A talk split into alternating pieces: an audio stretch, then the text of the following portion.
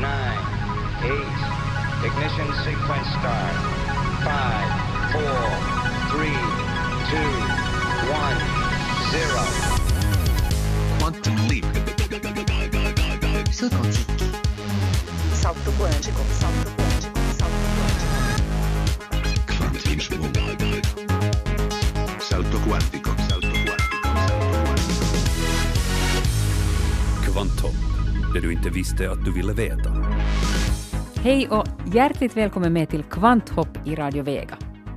Redan förra veckan så kom vi in på en massa sommargrejer som stugtänk, sol och vindkraft och bastur. Och den här veckan så håller vi lite samma linje. Tänk dig ett berg i skärgården i juli. Det är varmt. Det doftar varm klippa. Det doftar torra barr, tallskog. Det susar i någon asp i närheten. Havet kluckar mot stranden en bit ifrån. Du pressar handflatan mot det heta, lite skrovliga berget. Du hör måsarna skräna på avstånd. Lägger märke till en tärna som djupdyker mot en fisk strax under ytan. Så här skulle jag kunna hålla på för evigt. Men jag hoppas att du nu fick lite en försmak av sommaren. Och håll i så fall då den känslan, för i denna veckas program så ska vi ut till en verklig sommarö. Det handlar om Skärgårdshavets forskningsinstitut på Skelö utanför Pargas som jag besökte senaste sommar. Ett intressant ställe där tiden tycks ha stått stilla sedan 50-talet. Hälsar den eller? Och så det där var, ja, där var så där många. Oj då.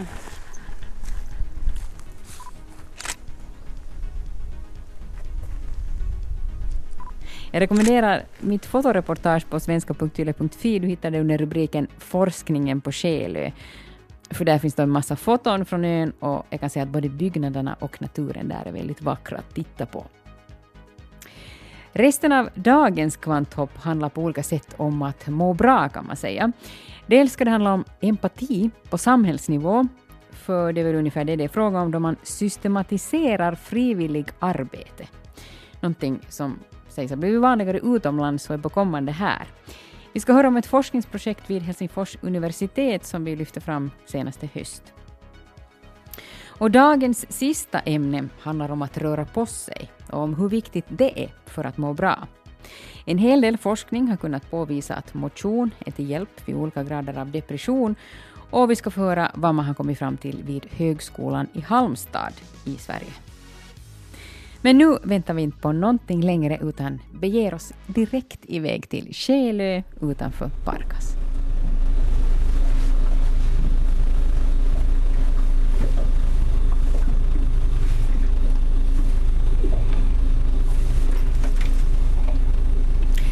Välkommen med till det röda båthuset där forskarna på Skelö har en av sina båtar. Motorn är redan igång med professor Ilpo Vuorinen vid rodret, ja, eller ratten, för det här är en modell med halva båten täckt och förarplatsen under tak framme till höger. Aj, nu regnar det redan! Nu regnar det redan! Själv står jag med ena benet i regnkläderna, för vädret växlar mellan regnskurar och solsken som under en stor del av den gångna sommaren.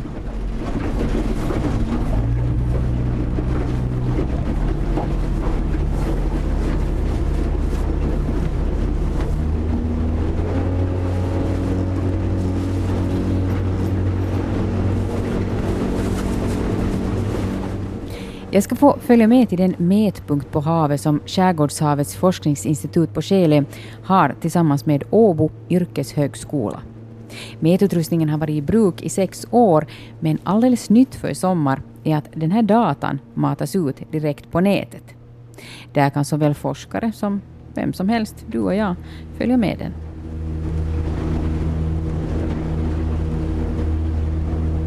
Vi kör sådär knappt tio minuter ut från Skälö tills vi kommer fram till mätpunkten.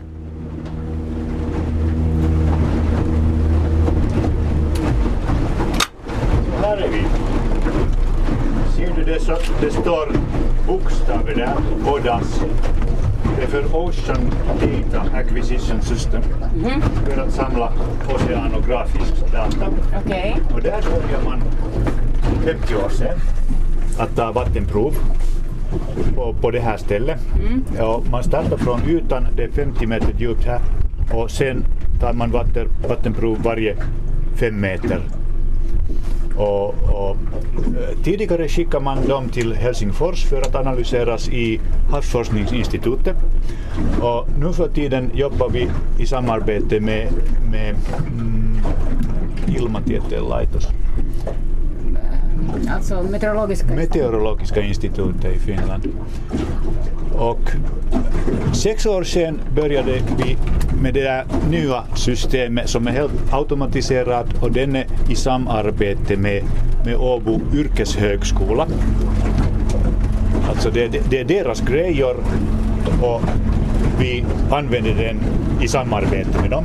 Och vi kan ta data från det finns en, en, en automatisk äh, analyseringssystem här som skickar, skickar ner äh, en äh, prob, analy, analysatorn och mäter äh, sam, samtidigt flera olika äh, parametrar. Liksom tempera, temperatur och salthalt och, och blågröna alger och, och grumlighet och, och syrehalt och sånt. Och det där, det där kan man skicka telemetriskt till, till institutet och, och vi kan visa den on, online i vår webbsajt.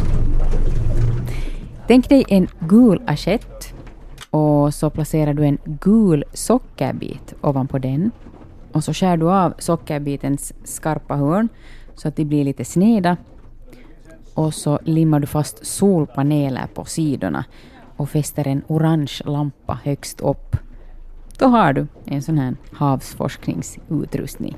Så här har vi samlat miljödata för 50 år nu. Och det där blev riktigt värdefullt på, vid, vid 90-talets början när man började prata om klimatförändringen. Så det betyder att vi har referens. Och, och vi kan jämföra. Vi kan, vi kan jämföra vår gamla data med nya mätningar och, och vi har evidens när havet börjar att förändras. Så det där är, det där är helt fint och modernt. Så vad har då hänt med Östersjön i ett längre perspektiv? Östersjön har blivit lite varmare redan nu, det vet vi. Och det har blivit lite sötare också. Och vi, vi tror att det, det också blåser mera än tidigare. Men det, alltså, statistiken är inte så kraftig. Men, men temperatur har ökat. Alltså ytan, ytvattnets temperatur har stigit lite. Och vad är, to- vad är er tolkning då? Att det är klimatförändring. Vad är er tolkning av varför det är sötare? Eh, Det är också klimatförändring där- därför att en av konsekvenserna till, eh, till klimatförändringen skulle vara ökad nederbörd, ökad regn. Och det skulle göra Östersjön sötare. Men är det samtidigt så att det kommer mindre saltvatten in där nere vid sunden? Och jo, det, det, jo det, det är samma sak. Alltså när, när, när vi har mycket sötvatten som liksom forsar ut genom danska sundet så havsvatten kan inte tränga in liksom mot, mot strömmen. Men det här med, med att det skulle blåsa mera då, vad är er tolkning av det? No, ja, det, teorin går så att, att luftmassorna ovanpå kontinenterna skulle värma äh, tidigare och mera än, än luftmassorna över havet. Och det skulle betyda vind på kustområdena. Alltså det är teorin. Och att värmen ovanför liksom, fastlandet är beror på industrin och allt möjligt? Och, och, och solen också. Ja. Växthuseffekter och solen. hur bra klarar den sig själv? Måste man ofta hit och serva den på något vis? Eller? Ma- ja, man måste putsa den. Den, den blir äh, äh, mikroskopiska alger och sånt som sätter sig i det där analysatorn. Så man, man måste komma um, två veckors mellanrum och putsa det. Men, men annars får det ligga här under vintern det måste upp förstås när vi har isarna. Det, det går inte. Ja. Finns det motsvarande stationer?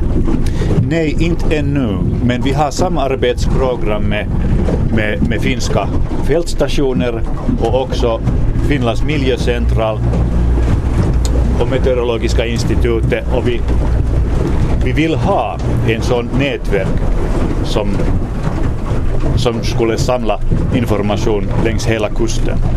Och det här är den första. Och det, det blir andra, eh, det, det kommer en annan till Husjö i Åland och sen troligen också på Tvärminne geologiska station. När ska de komma? Vi har, vi har redan fått pengarna från Finska akademin, så när, när som helst.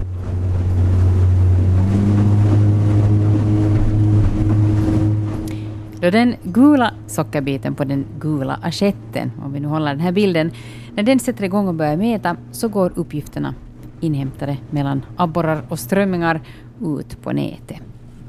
Googla själv fram Skärgårdshavets forskningsinstitut så hittar du uppgifterna från Oddas bojen. Okej, jag måste stänga motorn.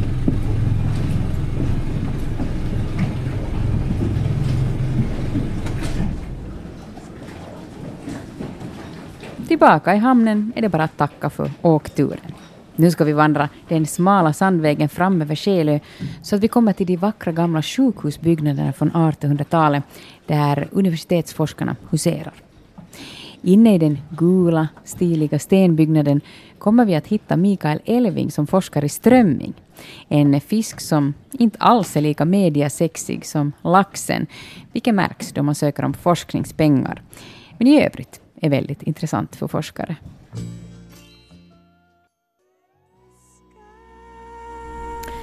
Välkommen till Skelö i Pargas, norr om Nago. Här finns sedan 50 år tillbaka Skärgårdshavets forskningsinstitut som lyder under Åbo universitet. Min värd heter Ilpo Vuorinen, han är professor och ansvarig för forskningen på Själö. Och det här är hans 23 sommar på ö. Jo, vi vanligen kommer i april och sommaren tar slut för oss, eller säsongen tar slut i september, oktober. oktober. Så jag kommer vanligen, äh, jag pendlar från måndag till fredag.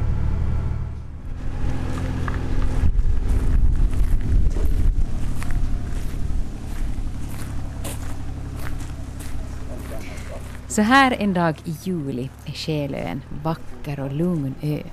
Det enda som bryter tystnaden är traktorn som fraktar varor från förbindelsebåten till universitetets huvudbyggnad, det gamla sjukhuset.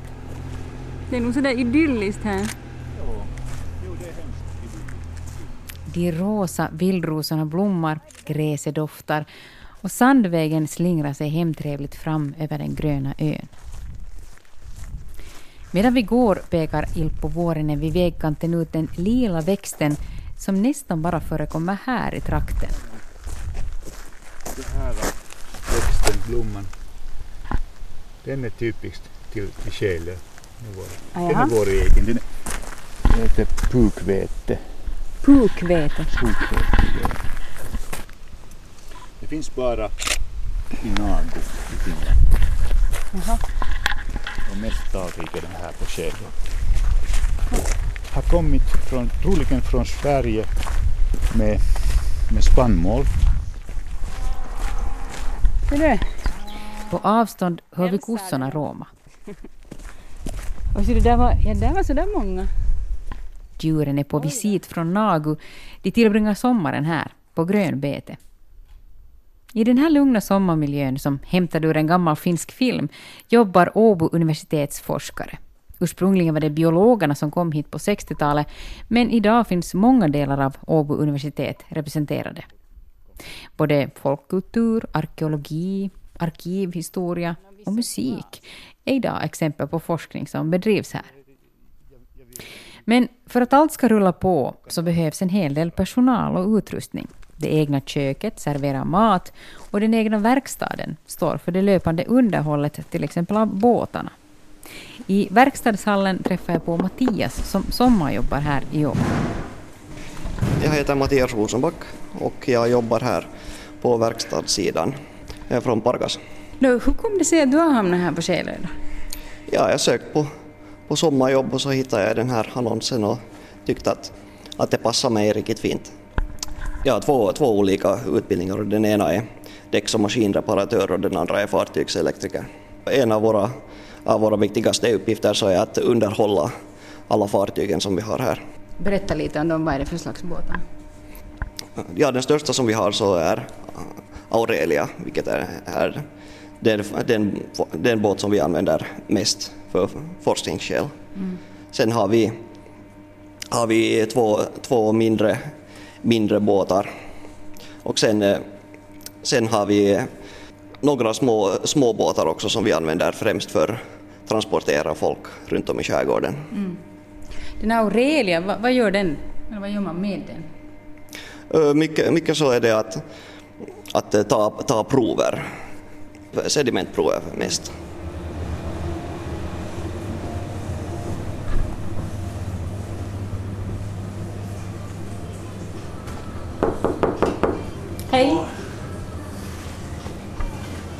Sulla aika? Joo. Mikael Elving hittar jag i laboratoriet som är inrymt i en av de gamla ljusgula sjukhusbyggnaderna. Här har han en vacker utsikt över havet. De rosa rosenbuskarna kan anas nere på gården. Och är det inte gräs som doftar eller blir jag bara förvirrad av alla gamla strömmingar som drällar omkring i laboratoriet? Nej, no, det sista var skämt. De gamla strömmingarna är synnerligen väl organiserade och luktar inte alls. De finns preparerade på glasskivor i mikroskopiskt tunna skivor där Mikael forskar i deras ålder. Jag får direkt en konkret bild av vad han sysslar med då jag får ta en titt i mikroskopet. Nu kun katsot tittar niin voit havaita siellä reparointimikroskoopin alla fotoliitin, missä näkyy, missä näkyy silakan vuosirenkaat. Oho, väntas nu. Jag får alltså titta på en benbit. En bit av strömmingens hörselben, en så kallad otolit. Benbiten är urtagen ur en strömming, sen slipad och färgad och upplagd på glasskivor, varefter den kan analyseras med mikroskop. I benet kan avläsas årsringar, precis som på ett träd. Och den här strömmingen är fyra år gammal. Oftast är de mellan tre och sju år gamla, men till och med 30-åriga strömmingar har man hittat. Mikael har jobbat som forskningsassistent på Skelö i fyra år och har hela tiden jobbat med det strömmingsprojekt som har pågått här i 30 år. Här följer man alltså med hur Östersjöns strömmingar förändras. Och det gör de. De har nämligen blivit mindre. No, ilmeisesti ne on pienentynyt tässä kolme, 30 vuoden aikaa paljon. Syytä nyt, suoraan syytä ei, ei välttämättä vielä pystytä sanomaan. Mutta... Tota- Varför strömmingarna har krympt vet man inte. Teorin, eller en av dem, är att det beror på att Östersjön har blivit sötare. Ett sötare vatten lär anstränga de inre organen mer, vilket kräver energi, vilket gör att det blir mindre över för tillväxten, förklarar Mikael. Förutom otolitanalysen i mikroskopet så följer man här regelbundet med strömmingens längd och vikt samt inälvornas skick. Det har visat sig att en liten mängd av strömmingen har olika former av mer allvarliga problem. Det gäller en promille eller några procent av en population. Och de senaste åren har man kunnat registrera hermafroditer, asymmetri, extra inälvor med mera. Det här gäller som sagt bara en liten del av fiskarna, men det är viktigt att följa med och se hur utvecklingen går. On just tarkoitus katsoa, että onko ne lisääntymässä vai vähentymässä. Ja totta kai kun silakkaa tärkeä, kaupallisesti tärkeä kala Suomessa, niin sillä on tavallaan iso merkitys kuitenkin, että, mm. että mihin suuntaan ollaan menossa. Och det här är också viktigt med tanke på att strömmingen är kommersiellt viktig i Finland, säger Mikael. Men på tal om pengar så i jämförelse med laxen så är strömmingen nog kusinen från landet. Det märker man då man ska söka forskningspengar för strömmingsfrågor, säger Mikael. Se me ollaan saatu kyllä tässä huomata vuosien varrella, että se ei totta vielä ole muotikala. Että lohi ja kaikki muu, ne on paljon enemmän uutisissa, mutta silakasta vähän kyllä uutisoidaan. Mm. Et, Millä tavalla te olette huomanneet? No, se, se nyt ilmenee monellakin tapaa, mutta sanottaisiko, että esimerkiksi monesti niin tällaiset, missä tutkitaan niin sanottua mediaseksikästä lajia, kuten lohta, niin rahaa ja apurahoja on paljon helpompi saada mm. kuin sitten taas sellaisen, mikä ei ole niin pinnalla, kuten silakka.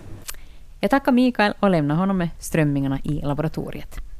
Innan jag går ska jag ännu byta några ord med Ilpo Vuorinen, professor och forskningsföreståndare här på Skelö. Han har som sagt varit länge med, så pass länge att det så småningom bör bli dags att ta avsked av hela stället. De sista kurserna i marinbiologi höll han denna sommar och nästa år börjar pensionärsdagarna då han får återkomma som vanlig turist till Skelö.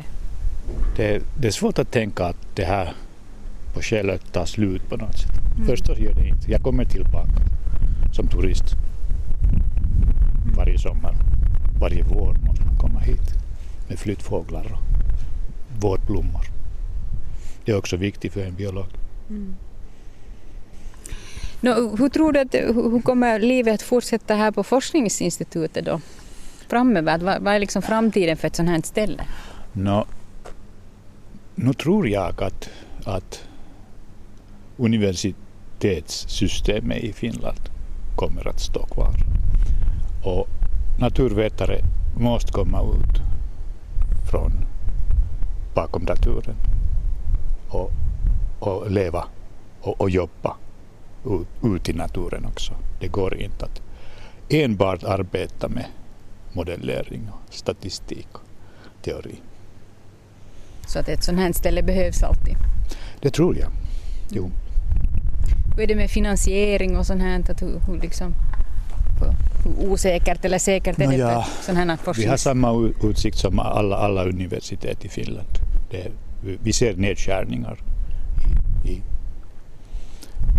på kommande. Men någon gång blir det bättre igen.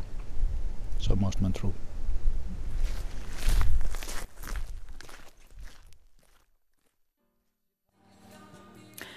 Har du någonsin tänkt på att du kunde utföra frivilligt hjälparbete på din vanliga arbetstid? Ja, det här är ett fenomen som lär växa runt om i Europa och USA. Att man alltså under arbetstid och i överenskommelse med arbetsgivaren utför någon form av hjälparbete. Vid Helsingfors universitet pågår för tillfället ett forskningsprojekt kring det här. Och senaste höst så ordnar man en diskussion kring temat. Ihminen, joka ei ehkä tule niin kuin ekana myötätunnosta mieleen, Charles Darwin on, on sanonut, että myötätunto on ihmisyhteisöjen ja evoluution suurin kantava voima. Ihmisyhteisö on kehittynyt tällaisiksi evo, äh, evoluutiossa myötätunnon takia ja myötätuntoa varten. Myös kaikki meidän sosiaaliset suhteet perustuu parhaimmillaan silloin, kun ne on meille merkityksellisimpiä. Ne perustuu myötätunnolle, antamiselle, saamiselle. Empati, medkänsla, sympati.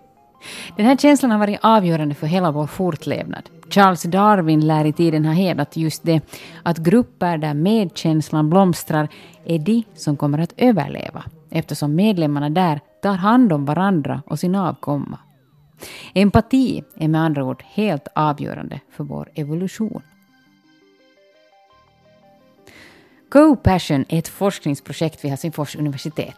I det vill man undersöka hur företag som på olika sätt satsar på att främja medkänslan på arbetsplatsen påverkas i form av stämning och produktivitet.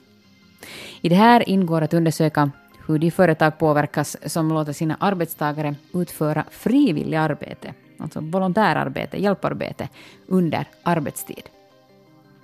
Det här är ett fenomen som lär bli vanligare runt om i Europa, speciellt i Storbritannien, samt också i USA, medan det då här i Finland är mycket marginellt, för att inte säga okänt.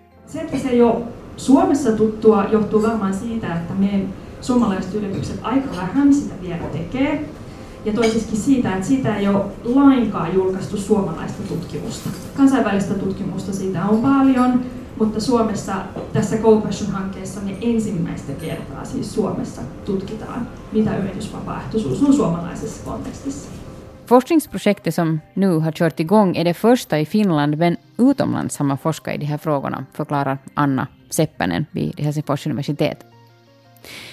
Företagsfrivillighet, på engelska corporate volunteering eller på finska yritysvapaaehtoisuus, kan i praktiken innebära en massa olika saker. Yritysvapaaehtoisuus voi olla joko työnantajan mahdollistamaa työajalla tapahtuvaa vapaaehtoistoimintaa, jotakin yleishyödyllistä päämäärää edistääkseen. Tai sitten se voi olla myös jotenkin työnantajan tukemaa, että, että työnantaja vaikka kompensoi jollain tavalla työajalla siitä, jos, jos tekee joku verran vapaaehtoistyötä. Siitä on aika monta muotoa ja monta käytäntöä. Yritysvapaaehtoisuushankkeita paljon kansainvälisillä yrityksillä on, jotka liittyvät erityisesti kehitysyhteistyöhön. Paljon isot konsulttitalot esimerkiksi lähettää, lähettää konsultteja tonne, tonne kolmanteen maailmaan ja, ja niin kuin sinne auttamaan ja konsultoimaan. Forskningsprojektet koncentrerar sig på frivilligarbete som går ut på att hjälpa människor. Men frivillig arbete kan i sig vara en massa olika grejer. Allt från att konsulter är med och planterar ut fisk till att de åker till utvecklingsländer och på företagets egen bekostnad är där och erbjuder sin expertis gratis till behövande. Yrityksille kohdistuu paljon enemmän kuin aikaisemmin painetta toimia eettisesti. Tämän takia yritysvastuuta ei ehkä voikaan enää ajatella semmoisena erillisenä koristeena, joka laitetaan rusetiksen koko bisneskakun päälle, että se saataisiin näyttämään vähän kauniimmalta. Semmoiset tutkijat kuin Porter ja Kramer puhuu shared value-käsitteestä. Att överhuvudtaget tänka i de här banorna är i tiden, menar forskarna. Speciellt unga konsumenter frågar idag efter företagens värderingar. De vill veta vem de stöder, var de står. När företagen för 20 år sedan behövde en hemsida på nätet för att hänga med, så behöver de idag en helhetsstrategi gällande sina värderingar. Och det går inte heller längre med tomma ord. Det behöver finnas en tanke med värderingarna, menar forskarna. Jag heter Anna Seppänen och jag jobbar som forskare i Helsingfors universitet och skriver min doktorsavhandling om, eh, om företagsfrivilligsarbete. Anna kom i kontakt med hela den här idén för några år sedan. Mä olin mukana tasavallan presidentin käynnistämässä nuorten syrjäytymistä ehkäisevässä hankkeessa ja osana sitä aloittelin neljän pankkikonsernin kanssa tällaista yritysvapaaehtoisuushanketta, jossa hän antaa työntekijöiden käyttää työaikaa siihen, että he tapaa syrjäytymisvaarassa olevia nuoria ja neuvoo heitä niin kuin oman rahan hallinnassa. Ja tota, oikeastaan niin kuin tämän käytännön työn kautta. I ett projekt som igångsattes av presidenten, där bankpersonal på arbetstid gav råd till unga med ekonomiska svårigheter, det vill säga bjöd på sin expertis, kom Anna i kontakt med de här frågeställningarna. Sen lockades hon med till just det här forskningsprojektet och synar nu då liknande saker i egenskap av forskare. Tässä Compassion-hankkeessa me tutkitaan useastakin eri näkökulmasta, että miten myötätunto vaikuttaa yrityksen tuloksellisuuteen. Mun tutkimusaihe siinä tosiaan on tämä yritysvapaaehtoisuus ja pyritään selvittämään ihan ensimmäistä kertaa Suomessa, että miten yritysvapaaehtoisena toimiminen vaikuttaa esimerkiksi työntekijän työmotivaatioon, vaikuttaako se Forskningsprojektet Co-Passion, empatins omvälvande kraft. I det undersöker man medkänsla i företagslivet på flera olika sätt. Men ett kommer att vara att utvärdera vilken effekt det har då anställda på arbetstid får utföra frivilligt arbete. Hur påverkar det här till exempel arbetsmotivationen? Hur påverkar det förhållandet mellan arbetstagare och arbetsgivare? Hur påverkas arbetstagarens medkänsla gentemot människor i en utsatt position? Hypotesen och erfarenhet utomlands ifrån är att det finns många positiva följder av frivilligarbete på arbetstid. Folk mår ofta bra av att få hjälpa andra. Det här vet till exempel Ulla Pesola. Hon jobbar på kyrktjänst och koordinerar det matstöd som EU finansierar och som distribueras via ett par hundra finska och svenska församlingar i Finland till behövande personer och hela familjer. Frivilliga människor tycker hemskt mycket att jobba med matbankerna därför man ser genast så som en, en man sa det här att, att vad är resultaten? Ja, det tackar så mycket en, jag mig själv gör i min egen församling eh, varje tisdag vi bjuder mat åt fattiga människor. En man sa det någon gång, att eh, har jag lagat mitt, eh, mitt, min kärlek åt, åt potatismos därför att det smakar så gott. Ja, det tackar så. Ja. Så man får mycket kraft själv av ja, sådant att själv. hjälpa? Ja, man får mera än man ger. Om vi går tillbaka ännu till forskningshypoteserna så har frivillig arbete troligen rent samhälleliga effekter. Då till exempel folk ur businesslivet möter utslagna unga, då är det två helt olika världar som möts och som annars kanske inte hade gjort det. Att komma utanför sin egen vanliga bubbla är en bra sak och främjar vår förståelse för varandra, konstaterar Anna Seppänen. On ollut paljon puhetta kuplista se nyt viime aikoina, että kuka meistä elää missäkin kuplassa ja varmaan sosiaalinen media aika paljon mahdollistaa sitä, että keskustellaan samanmielisten ihmisten kanssa sekä niin kuin tuolla verkossa että ihan käytännössä arjessa, niin, niin mä ajattelin, että vapaaehtoistoiminta, yritysvapaaehtoistoiminta ja muu kansalaistoiminta on semmoisia hyviä paikkoja, jotka luo semmoista ymmärrystä niin kuin toinen toisistaan. Ja mä uskon, että sillä on isoja yhteiskunnallisia vaikutuksia, että me ei päästä niin kuin eriytymään erilaiseksi porukoiksi, vaan meillä säilyy se tietty, tietty koherenssi ja tietty ymmärrys toinen toisistamme. Frivillig arbete på jobbet och i samhället överlag främjar vår förståelse för varandra och minskar uppdelningen i olika hörn i samhället, konstaterar Anna Seppänen, forskare vid Helsingfors universitets teologiska fakultet. Motion är bra för oss, det har vi väl hört. Men ändå kan det periodvis vara överraskande svårt att, att komma upp ur soffan och ta sig ut och gå eller springa eller någonstans och jumpa eller hur man nu väljer att röra sig. Men det finns stunder då man speciellt borde få igång sig och det är då humöret av en eller annan orsak sviktar. För den som är deprimerad så är motion nämligen guld värt. Enligt en svensk studie så är motion till och med lika effektivt som psykoterapi. Det säger Torbjörn Josefsson som är lektor i psykologi vid Högskolan i Halmstad i Sverige och en av de som har genomfört en metaanalys om eh, samband mellan motion och depression.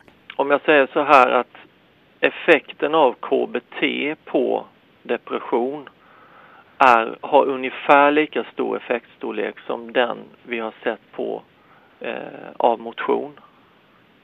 Så när man har jämfört psykoterapi och motion så har man inte kunnat hitta någon signifikant skillnad i effekt på depression mellan de här två interventionerna. Metaanalysen som Torbjörn Josefsson vid Högskolan i Halmstad gjorde tillsammans med forskare vid Göteborgs universitet tog sig an 13 studier om sambandet mellan depression och motion. Och de fick fram att motion har en måttlig till stor effekt på depression. Faktiskt lika stor effekt som traditionell samtalsterapi. Josefsson kan inte säga att motion direkt skulle kunna bota en depression, men motion kan helt klart lindra en depression. Människor som är deprimerade och som har fått gå en motionsintervention av något slag har reducerat sin depression efter de har gått den här interventionen. Och det gör att vi har dragit slutsatsen då att eh, motion eller träning har en effekt på depressiva symptom helt enkelt. Men i nuläget så är det lite svårt att säga exakt hur stor den här effekten är och det är också svårt att säga om man kan om deprimerade personer kan bli helt botade från sin depression med motion.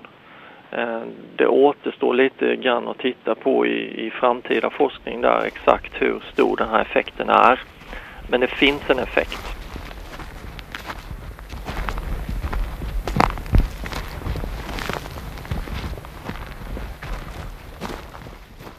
Så vad är det då i kroppen som händer som påverkar humöret på längre sikt? Det finns väldigt många saker som händer i kroppen och i hjärnan när vi motionerar.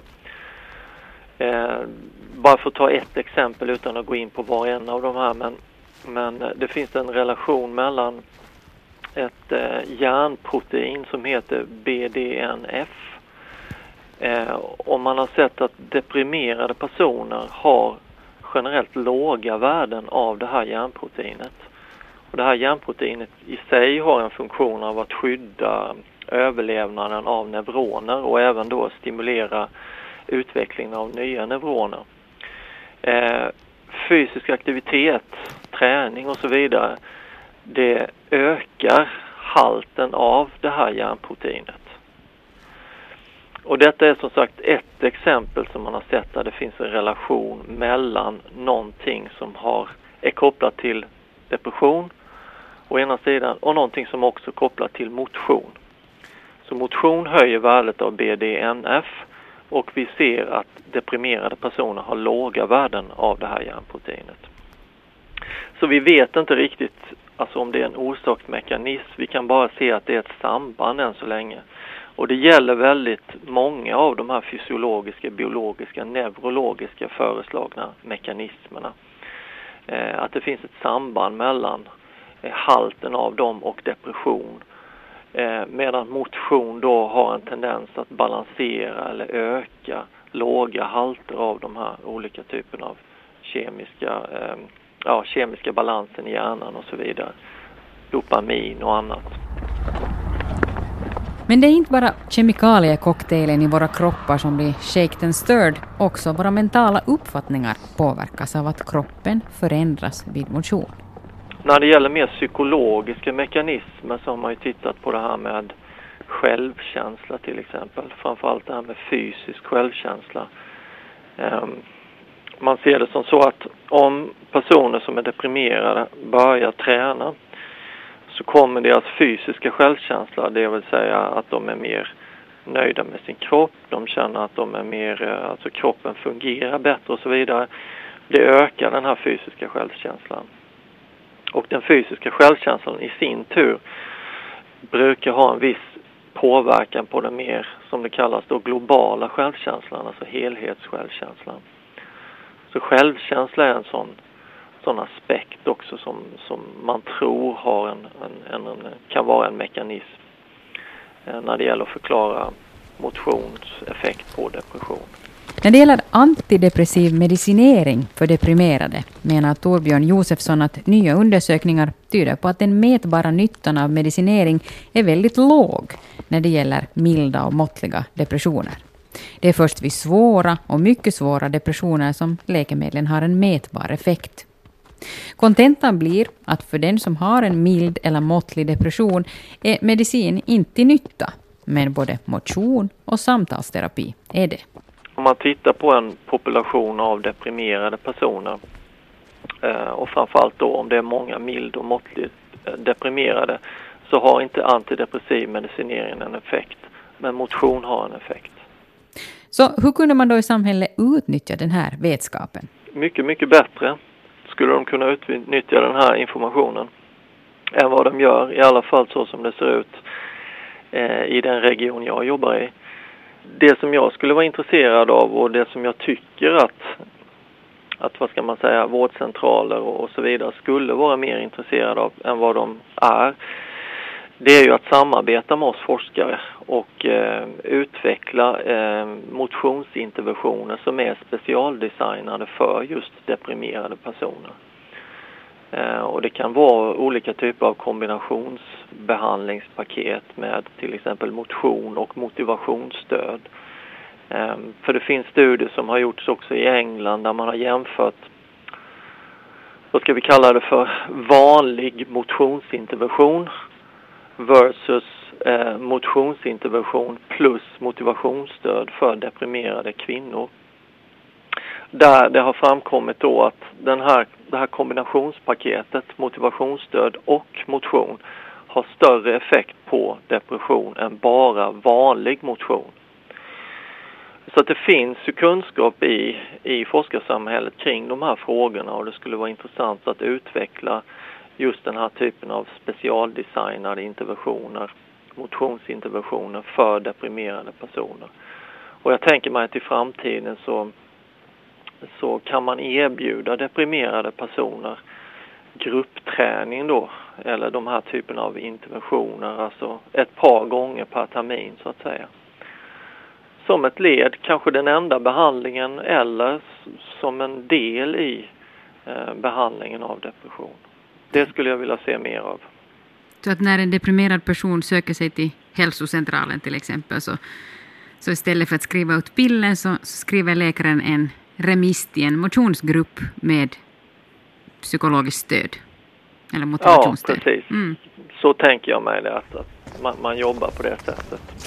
Motionen kan dessutom bli ett verktyg som hjälper den som drabbats av depression att undvika återfall, eller åtminstone göra fallet mindre. Vår tanke är att motionen kan vara ett stöd i det här. En byggnadsställning som gör på något sätt att jag kan hantera min depression bättre. Det reducerar graden av depression.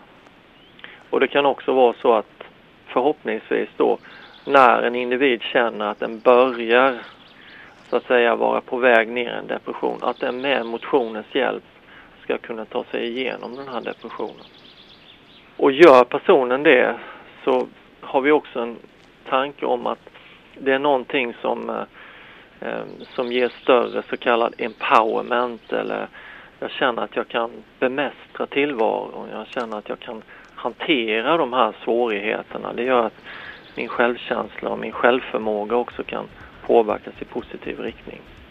Det sa Torbjörn Josefsson vid Högskolan i Halmstad. Och om du vill så hittar du en artikel om och med honom på Svenska Yles webb.